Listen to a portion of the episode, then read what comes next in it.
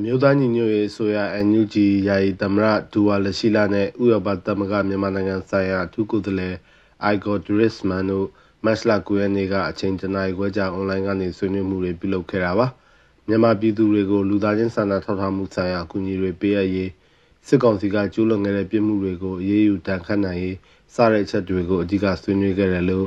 NUG သမ္မတရုံပြောခွင့်ရှိသူဦးကျော်စောကပြောပါတယ် ဥရောပသမဂ္ဂမြန်မာနိုင်ငံဆိုင်ရာအထူးကိုယ်စားလှယ်အိုက်ဂေါ်ဒရစ်မန်ဟာအရှေ့တောင်အာရှဒေသတွင်အာဆီယံအထူးတန်တမန်ဖြစ်လက်တာဝန်ယူထားသူဖြစ်ပြီးအာဆီယံလမ်းကြောင်းကနေမြန်မာပြည်အရေးကိုဖိအားပေးနိုင်သူလည်းဖြစ်ပါတယ်။အကြမ်းဖက်စစ်ကောင်စီကြောင့် မြန်မာနိုင်ငံတဝန်းလုံးမှာဒုက္ခရောက်နေကြတဲ့မြန်မာတိုင်းရင်းသားပြည်သူလူထုတွေဟိုဘယ်လိုနှီးနေတဲ့ကူညီရမလဲဆိုတာကိုဆွေးနွေးခဲ့ကြပါတယ်။ NUG အစိုးရတိုင်းသားလက်နက်ကိုင်အုပ်စုတွေအရက်ဖက်အဖွဲ့အစည်းတွေနဲ့ coordinate လုပ်ပူးတွဲဆောင်ရွက်ပြီးတော့ထိထိရောက်ရောက်နဲ့ဒုက္ခရောက်နေတဲ့ပြည်သူလူထုတွေကိုကူညီပေးဖို့အတွက်အဓိကဆွေးနွေးခဲ့ကြတာဖြစ်ပါတယ်။ဥရောပသမဂ္ဂအနေနဲ့ဟာမြန်မာပြည်သူတွေဖက်ကနေပြီးတော့ရပ်တည်ပြီးတော့မြန်မာပြည်သူတွေရဲ့အတွက်ကိုအတက်နိုင်ဆုံးကူညီပေးသွားမယ်ဆိုတဲ့ဟာအထူးကိုယ်စားလှယ်ကထပ်လောင်းပြောကြားသွားပါတယ်။မြန်မာ ပြည်သူတို့တွေကိုကူညီဖို့အတွက်နီလန်းတွေရှာဖွေပြီးတော့ကူညီဖို့ဆက်လက်စ조사ဆောင်ရွက်လုပ်ကိုင်သွားမယ်ဆိုတာလည်းပြောကြားပါတယ်။ဆက်ဆွေးနွေးတာကတော့အကြမ်းဖက်စစ်ကောင်စီကမြန်မာပြည်သူတွေပေါ်မှာရာဇဝမှုတွေကျူးလွန်ပြီးတော့မတရားအာဏာသိမ်းပြီးတော့အုပ်ချုပ်ဖို့စ조사နေတာသူတို့ရဲ့အကြမ်းဖက်မှုတွေကိုကြက်တမ်းကရပ်ဖို့အတွက်ဘယ်လိုလုပ်ကိုင်မလဲဆိုတော့လည်းဆွေးနွေးကြပါတယ်။နောက်ပြီးတော့ဒီလိုကျူးလွန်ခဲ့တဲ့ပြစ်မှုတွေကိုဒီ justice ကို accountability ရှိဖို့အတွက်လည်းဘယ်လိုလုပ်ကိုင်ဆောင်ရွက်မယ်ဆိုတာလည်းပုံမှန်နည်းနည်းအတိုင်းပဲဆွေးနွေးခဲ့ကြပါတယ်။လူသားချင်းစာနာမှုထောက်ထားတွေ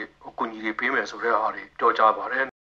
ဥရောပသမဂ္ဂအမေရိကန်စတဲ့အင်အားကြီးနိုင်ငံတွေကအမျိုးသားညီညွတ်ရေးအစိုးရနဲ့ပေါ်ပေါ်တင်တင်ဆက်ဆံမှုတွေပြုလုပ်လာတာဟာ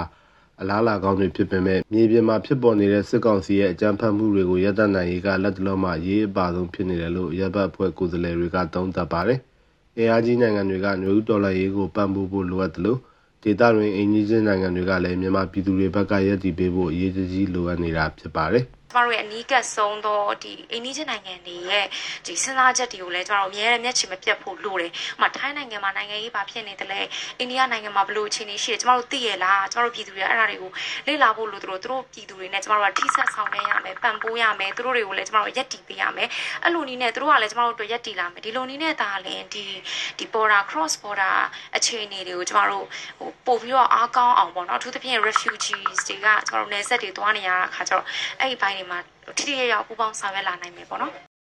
နိုင်ငံတကာအစိုးရတွေကဘာကြောင့်မို့လို့အရေးယူဖို့နှောင့်နှေးနေရလဲဘာလို့ကြံ့ကြာနေရတာလဲဆိုတဲ့ဟာတွေကတော့ကျွန်တော်အနေနဲ့ဆိုလို့ရှိရင်တော့ geopolitics ကြောင့်ဖြစ်မယ်ထင်တယ်တရုတ်နဲ့အိန္ဒိယရဲ့ power ချင်းမရှာကိုလည်းသူတို့ပြန်ကြည့်ကြပုံရတယ်ခါသီးတဲ့မှန်တရားပေါ့ကျွန်တော်တို့မြန်မာနိုင်ငံအတွက်ကတော့ကျွန်တော်တို့ဒီဖက်တိုက်တောင်းဆိုနေကြတဲ့လီမပြတ်တမ်းရဆုံးလို့ လင်းစီပိတ်ဆို့ရေးတို့လက်နဲ့ပိတ်ဆို့ရေးတို့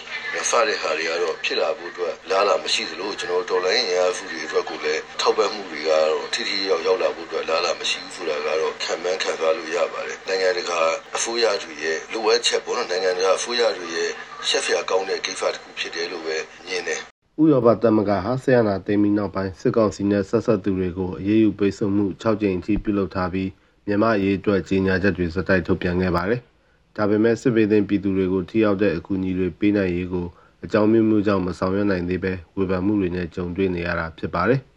ကျွန်တော်တုဒ္ဒချမ်းသာပါ